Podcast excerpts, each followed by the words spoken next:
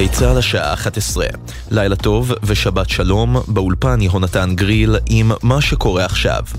נציגים ביטחוניים בכירים מישראל ומהרשות הפלסטינית ייפגשו מחרתיים בעקבה שבירדן, במאמץ למנוע הידרדרות ביטחונית חמורה. בוועידה השתתפו גם בכירים מצרים ואמריקנים.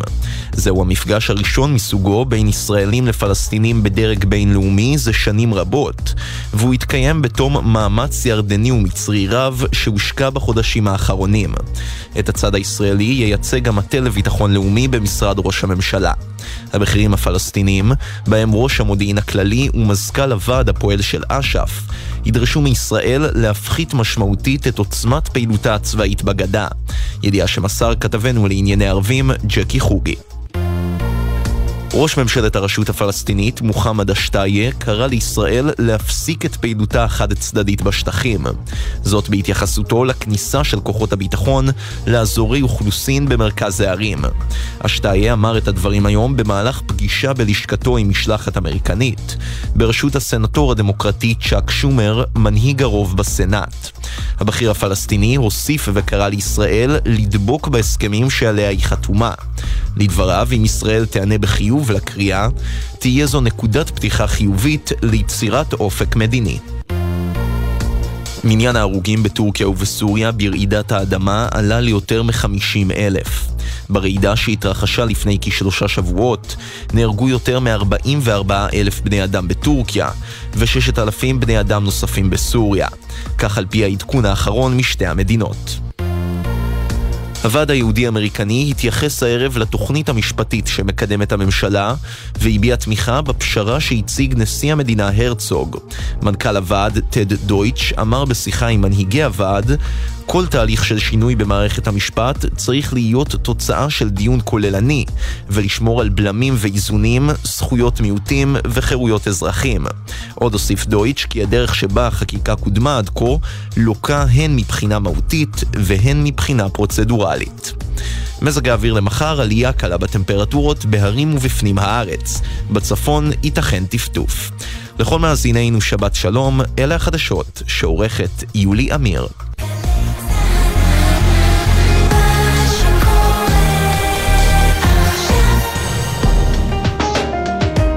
אתם מאזינים לגלי צה"ל. הבית של החיילים, גלי צה"ל. You're listening to Galay Sahel. If you want to come and see why Creep is so fucking special, catch us live in Tel Aviv. Cheers. להקת רדיואד בהופעות בישראל ובשידור חי בגלי צה"ל. בחצות הלילה במוצאי... אני חושב שאם רדיואד היו פורשים אחרי האלבום הזה, אז לא היה מה לדבר עליהם. עכשיו אפשר לדבר עליהם כי זה חלק מתהליך אה, מדהים שקרה ללהקה הזאת. לא משנה אם אתם מטורפים עליהם או לא יכולים לשמוע אותם, אין ספק שרדיוהד היא אחת הלהקות החשובות, האהובות והמחדשות ביותר ברוק המודרני. אבל לפני שהם היו רדיוהד, הם היו הלהקה ששרה את השיר הזה, נו, נו איך קוראים לו? כן, את, אה, את קריפ, הלהקה ששרה את קריפ. לפני שהם היו רדיוהד, הם היו חבורת צעירים משונים מאוקספורד, שממש במקרה, או בדרך הגורל, הצליחו מאוד לא בביתם באנגליה ולא בארצות הברית, אלא קודם כל בתחנה צבאית קטנה של מדינה קטנה. שבת שלום, אתם על גלי צה"ל, רצועת הספיישלים המוזיקליים של יום שישי. הטכנאית שבאולפן היא אלה מוטולה, אני יולי רובינשטיין, וביום רביעי האחרון ציינו 30 שנה לאלבום הראשון של רדיוהד, פבלו האני. בשעה הקרובה נדבר על הצעדים הראשונים שלהם במוזיקה, איך הם השפיעו על המשך הדרך המוזיקלית שלהם, ואיך הכל התחיל ממש ממש כאן אצלנו. הולך להיות, איך אומרים רדיוהד. So, very special.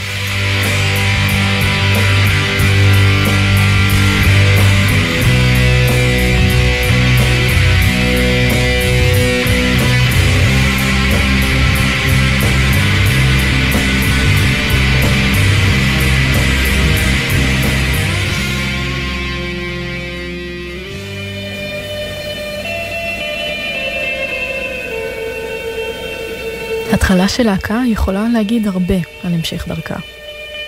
התחלות הן חשובות, לא תמיד הן חורצות גורלות, אבל תמיד אפשר למצוא בהן רמזים למה שעתיד לבוא.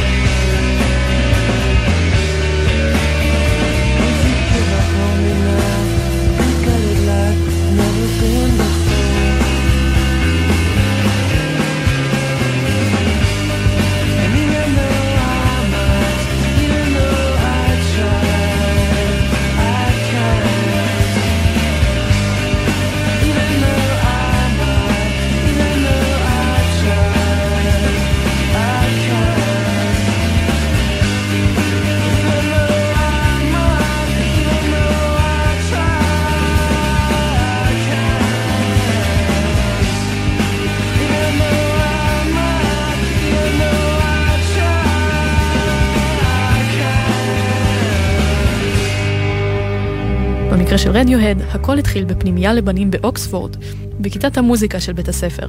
תום יורק הסולן וקולין גרינווד הבסיסט מי"א, אחיו ג'וני גרינווד מט', ואד אובריין ופיליפ סלווי מי"ב, על תופים וגיטרה, כולם היו נפגשים כל יום שישי לחזרות, ולכן הם קראו לעצמם On a Friday.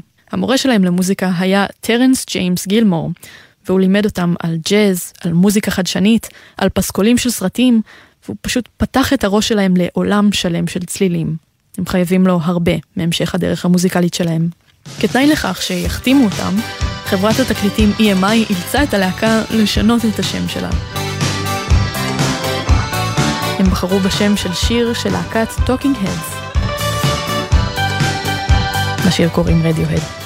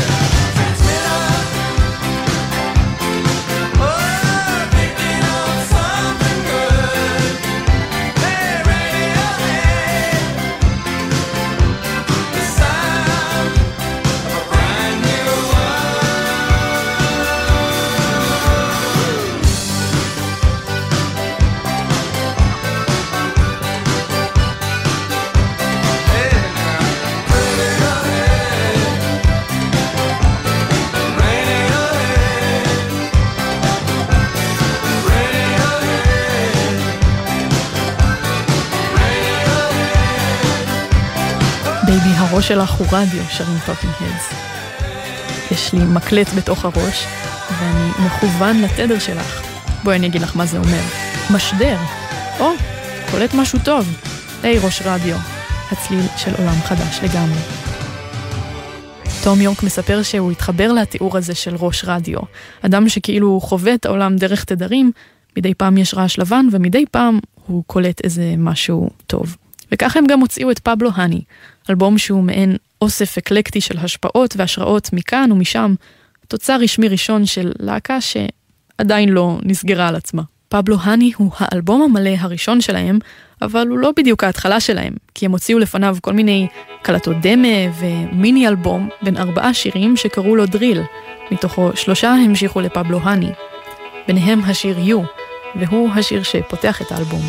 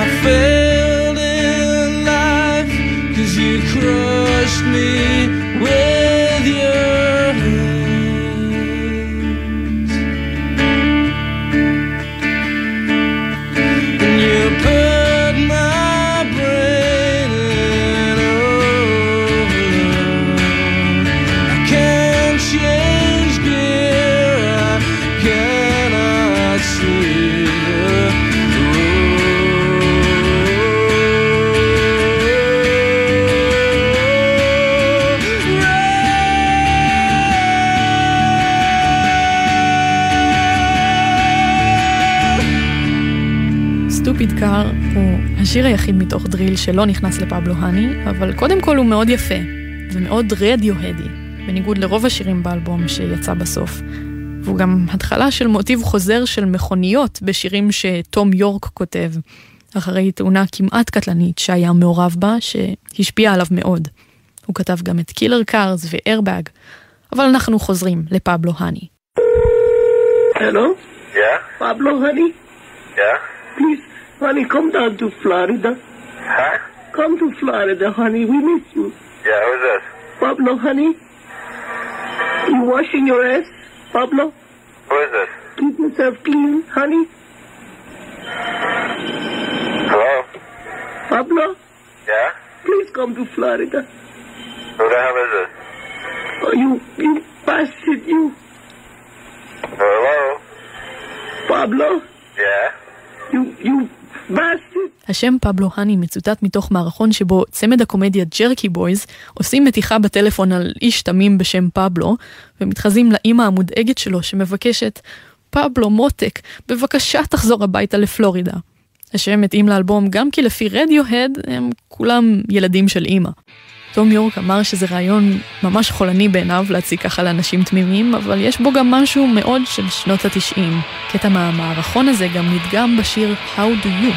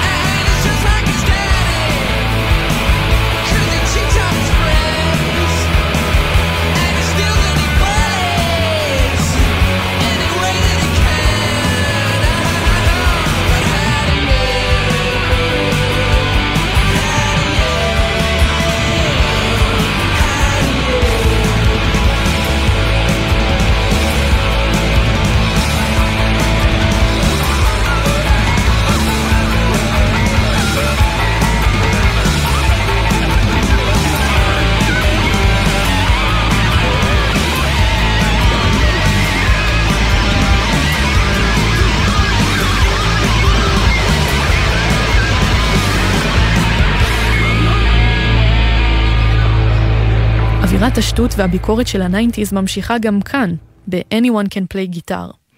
השיר הזה הוא כולו ביקורת על תעשיית המוזיקה. זה שיר מאוד אה, ביקורתי וציני, שתי תכונות שיישארו עם רדיוהד עוד להמשך. בשניות הראשונות של השיר, חברי הלהקה רצו להוכיח את הכותרת שלהם ולהראות שכל אחד יכול לנגן בגיטרה. אפשר לשמוע שם את כל חברי הלהקה, את המפיקים, את מנהל האולפן ואפילו את הטבח שהיה בבניין, מנגנים בו זמנית בלי שום קשר לכישרון בגיטרה. ג'ון גרינווד, שהוא בין היחידים שדווקא כן יודעים לנגן בגיטרה, פרט על המיתרים עם מברשת צבע גדולה.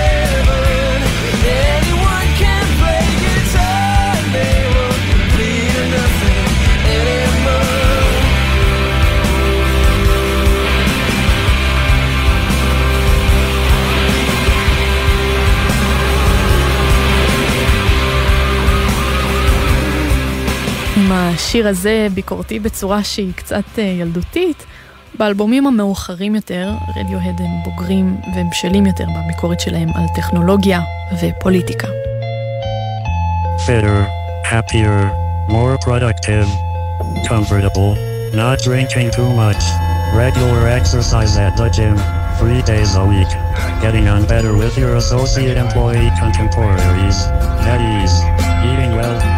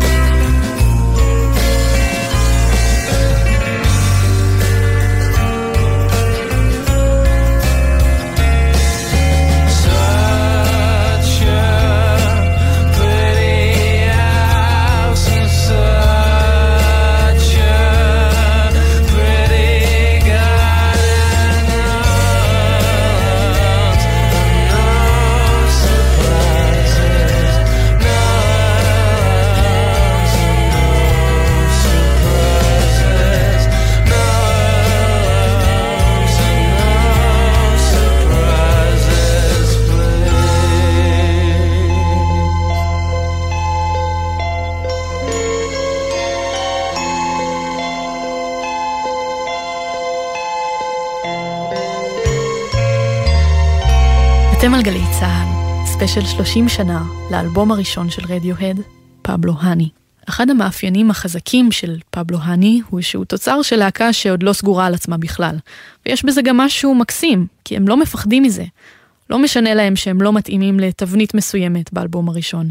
הם מנסים כל מיני כיוונים שונים וסופגים השראות מכל מקום אפשרי. באותו אלבום יש שירי רוק כבדים, וגם שירים על גבול הפאנק, וגם דברים אקוסטיים ועדינים, כמו זה. Thinking about you. Been thinking about you, your red coats are here, your eyes on my wall, your teeth are over there, but I'm still no one, and you're not star. What do you care?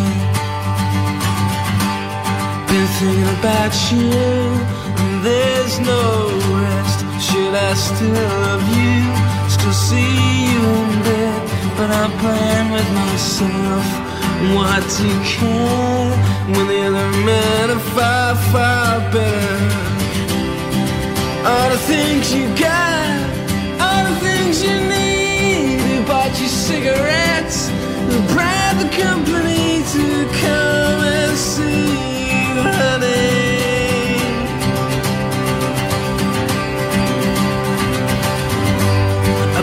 thinking about you. So how can you sleep? These people aren't your friends. They're paid to kiss your feet. They don't know what I know. And why should you care when I'm not there?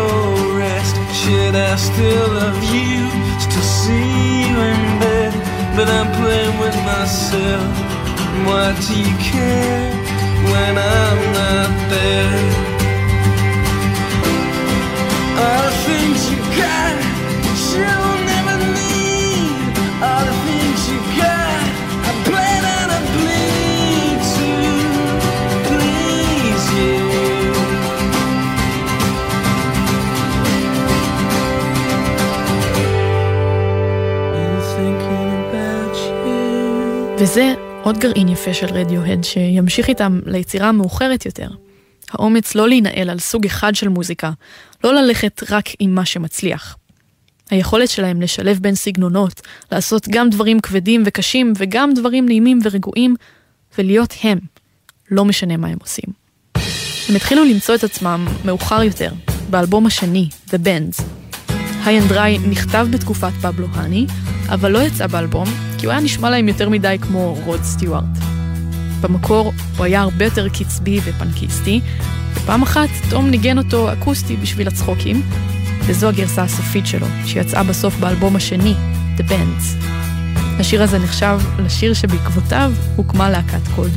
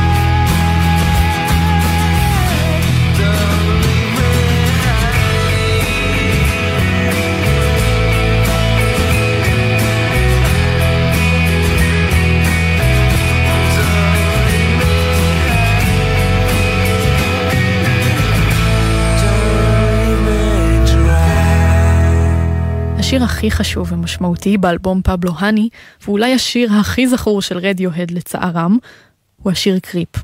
השיר הזה הוא שיר שנכתב כחלק מקטע כזה של שנאה עצמית שהיה מאוד חזק בשנות התשעים המוקדמות, שאפשר לראות גם על נירוונה ועל בק. So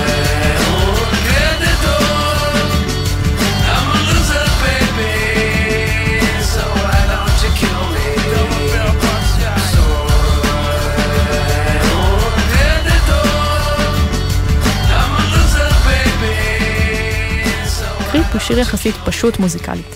האקורדים פשוטים, ובחלקם אפילו גנובים מהשיר The Air That I Breathe של ההוליז.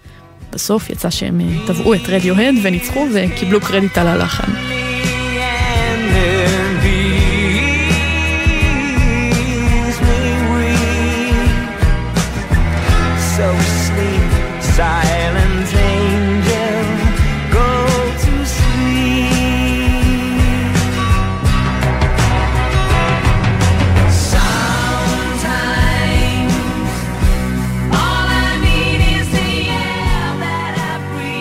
הוא אולי שיר פשוט, אבל יש בו הרבה יותר מזה. הוא מאוד טעון אנרגטית, בתסכול ובייאוש, שזה דבר שמאוד מאפיין את רדיואט גם בהמשך, הכל בזכות הגיטרות של ג'וני גרינווד והיללות של תום יורק בסוף השיר. הוא הוקלט בטייק אחד, פשוט, והאנרגיה הזו של הגיטרה נוצרה מזה שג'וני גרינווד פשוט השתעמם מהשיר, והחליט לפרוט חזק כדי לקחת אותו למעלה. קריפ הוא הברכה הגדולה, וגם הקללה הגדולה של רדיוהד. הם סוף סוף הצליחו לפרוץ איתו, אבל הוא גם סימן אותם כלהקה של להיט אחד. לא ציפו מהם ליותר. הוא הביא להם הצלחה מטורפת, אבל גם גרם לזה שחברת התקליטים תדרוש מהם לכתוב עוד שירים שדומים לו, למרות שזה בכלל לא היה הכיוון היצירתי שלהם. הם כתבו עליו את השיר My Iron Lung, ריאת הברזל שלי, שמדמה את השיר קריפ למכונת הנשמה ישנה. השיר השאיר אותם בחיים, החזיק אותם כלכלית ואפשר להם ליצור, אבל מצד שני הגביל מאוד את חופש התנועה היצירתי שלהם.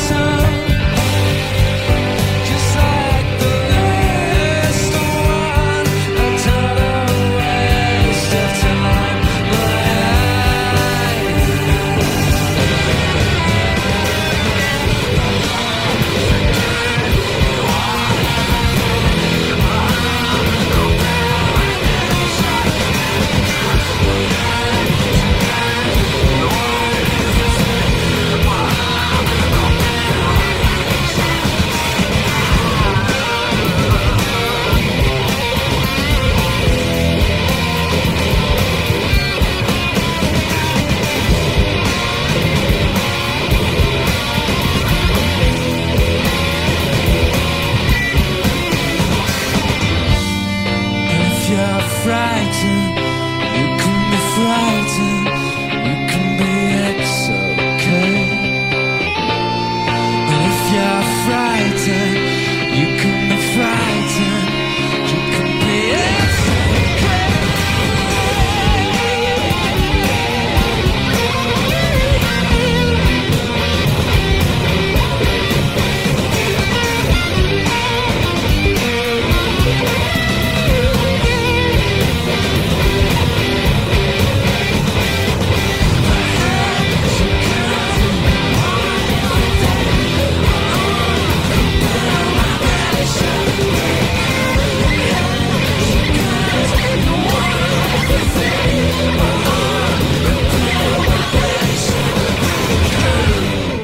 ברזל או לא, Creep הוא השיר שהתחיל הכל עבור רדיוהד.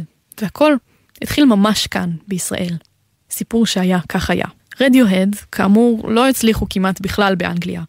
הם היו מופיעים כמופע חימום במועדונים קטנים וטחובים ומסריחים לקהל קטן ולא אוהד במיוחד. באחד מהמופעים הראשונים שלהם, רדיוהד אפילו עשו מופע חימום לאיש שעשה juggling. אבל יום אחד התגלגלה לידיו של שדרן רדיו ישראלי בשם יואב קוטנר, קלטת מהשלוחה הישראלית של חברת התקליטים של רדיוהד, ובתוכה השיר קריפ. קוטנר פשוט עף על זה. מי ששמע ציפורי לילה ב-1993 היה שומע את השיר מינימום שלוש פעמים בתוכנית אחת. לאט לאט הצטבר לרדיוהד הבריטים קהל ישראלי גדול ואוהד, שהביא אותם להופעה הראשונה שלהם מחוץ לבית, למעשה שלוש הופעות, במועדון הרוקסן. עכשיו, במרחק 30 שנה, קוטנר יכול להגיד מה ברדיוהד כל כך משך אותו, ובעקבותיו, את כל העולם. היה מצד אחד משהו בקול של הזמר ובדמות שהוא מציג, היה בזה משהו נורא שברירי, שאומר, I'm a creep, אז אני, אני מאמין לו. זאת אומרת, זה לא איזה בחור יפה תואר וזה שעושה הצגות, אלא אתה... בכלל, כל השירה שלו היה בה משהו מאוד מאוד אישי ואמיתי, והכוח העצום שהיה בגיטרות הוא היה פשוט אה, מדהים. זה, הכניזה הזאת של הגיטרות בקריפ, זה, זה משהו שעד היום זה מצמרר אותי.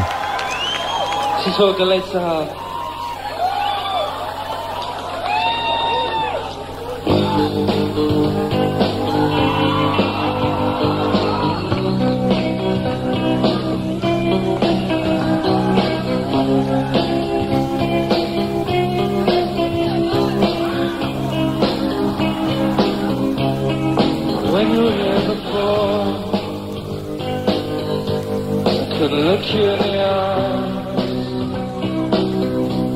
You're just like an angel. Your skin makes me cry. You float like a feather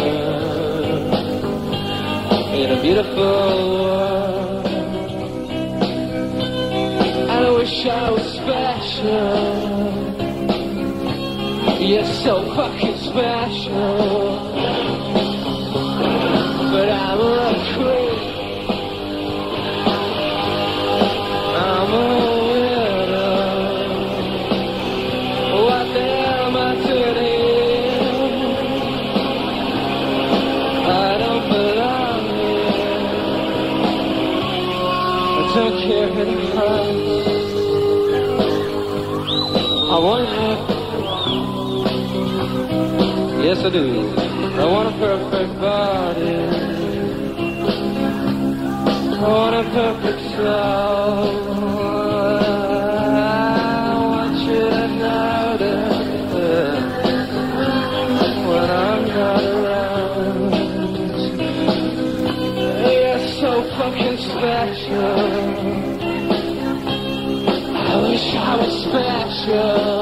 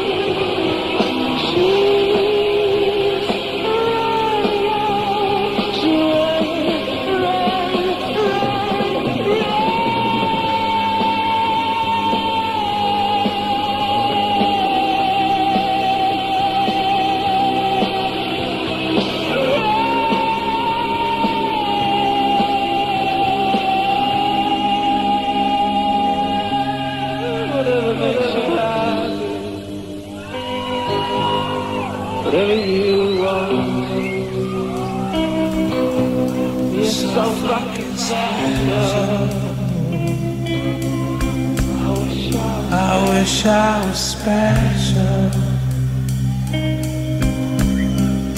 But I'm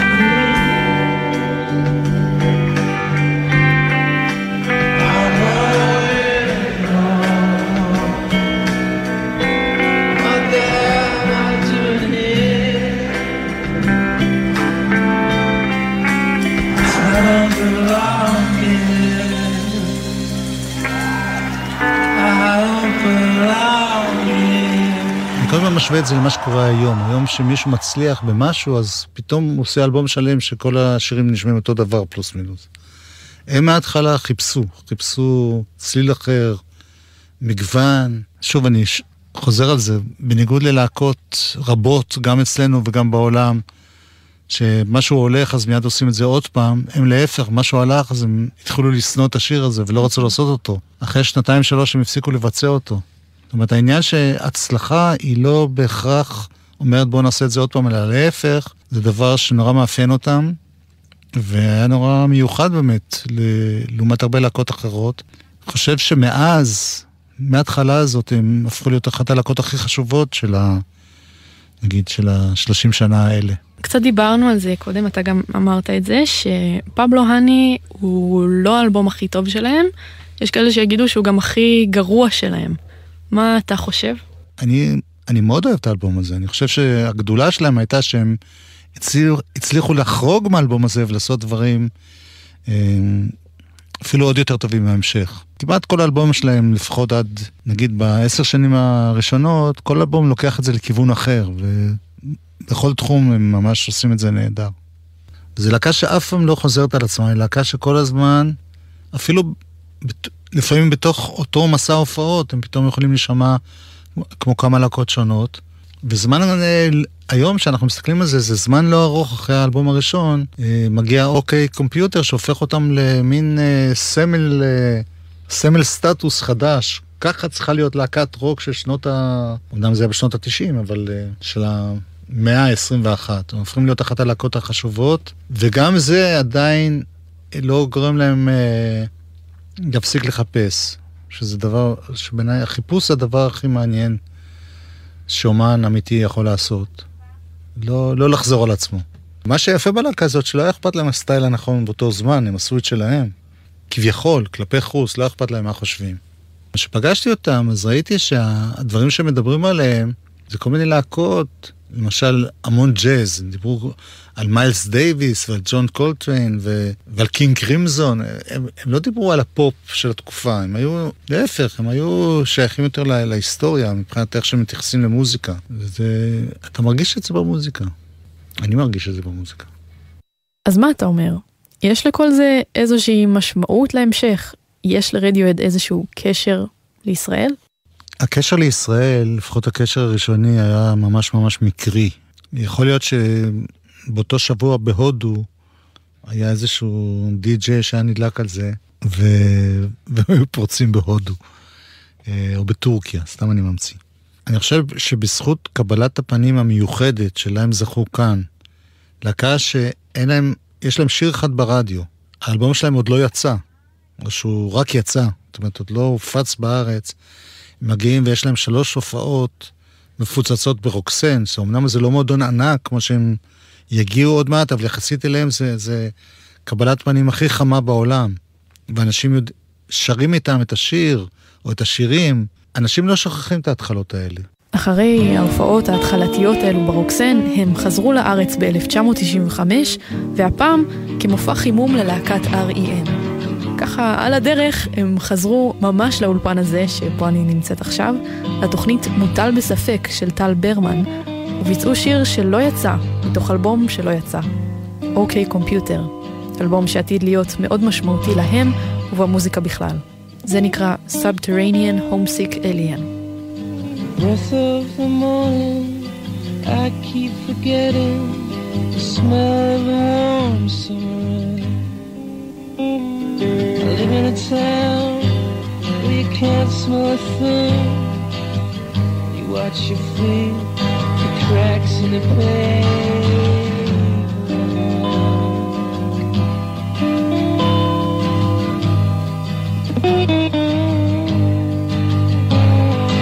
And up above, aliens hover, making home movies for the folks back home. These weird creatures who lock up their spirits, through holes in themselves, and live for the secrets.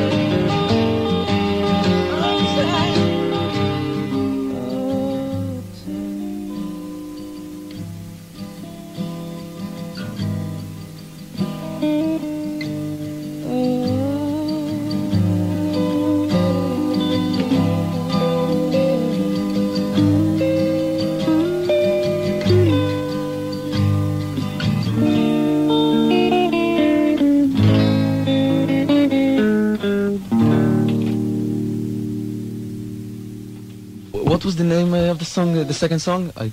Oh, that, that, that was called Subterranean Homesick Alien. Subterranean Homesick Alien. Yeah. אוקיי. זה תרגמו את זה איך שאתם רוצים לתרגם את זה?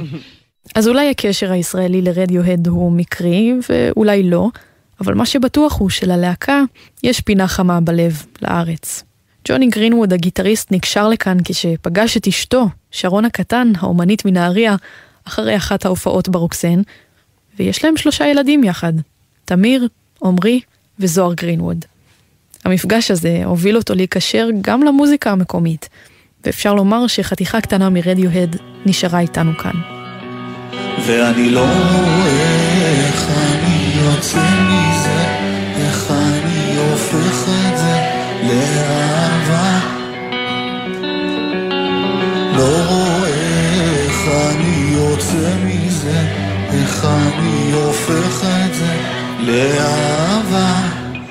נורא, כמה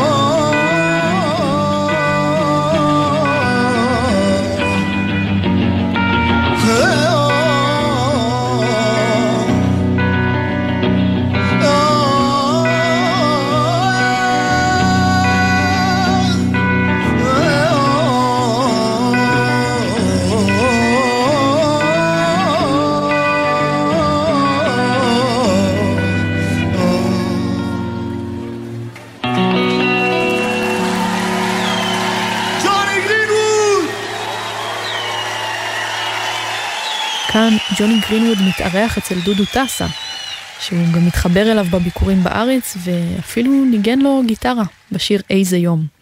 הוא גם לקח חלק בפרויקט מוזיקלי עם הזמר שי בן צור. גם אותו, גם את אה, שי בן צור וגם את דודו טסה הוא הביא לחימום בסיבוב ההופעות של רדיוהד. ככל שמתקדמים בציר הזמן עם רדיוהד, הסגנון המוזיקלי שלהם נהיה פחות ופחות ברור. מהרוק של פבלו האני ו-The Bands, למורכבות של אוקיי קומפיוטר, לאלקטרוניקה של קיד איי, למוזיקה מופשטת וניסיונית של אמניז'יאק ו-In Rainbows, וככל שהתקדמו, רדיואד אף פעם לא היו להקה שמחפשת אישור של הקהל. הם עשו מה שהם רוצים. כשכולם מסביב, המעריצים והמבקרים, אהבו משהו שהם עשו, הם התכחשו להצלחה ועשו בדיוק ההפך. הם בעצמם מספרים שבכל פעם שלקחו החלטה, אמרו, זהו, עכשיו ננגן רק ז'אנר אחד. ההחלטה נכשלה, ויצא להם משהו אחר לגמרי. אבל מה שהם לא עשו, זה היה מקורי, מחדש ובדרך שלהם. וזה המאפיין הכי חזק של רדיוהד והכוח הגדול שלהם במוזיקה מאז ועד היום. האזנתם לגלי צה"ל, זה היה ספיישל לכבוד 30 שנה לפבלו האני, האלבום הראשון של רדיוהד. הטכנאית שלנו באולפן היא אלה מוטולה, אני יולי רובינשטיין, ונשאיר אתכם עם השיר שחותם את פבלו האני, האלבום שהתחיל את הכל, שלקח את מכלול ההשראות מפה ומשם ויצק הכל ללהקה אחת. זה נקרא בלואו. תודה שהייתם איתנו, שבת שלום. In my mind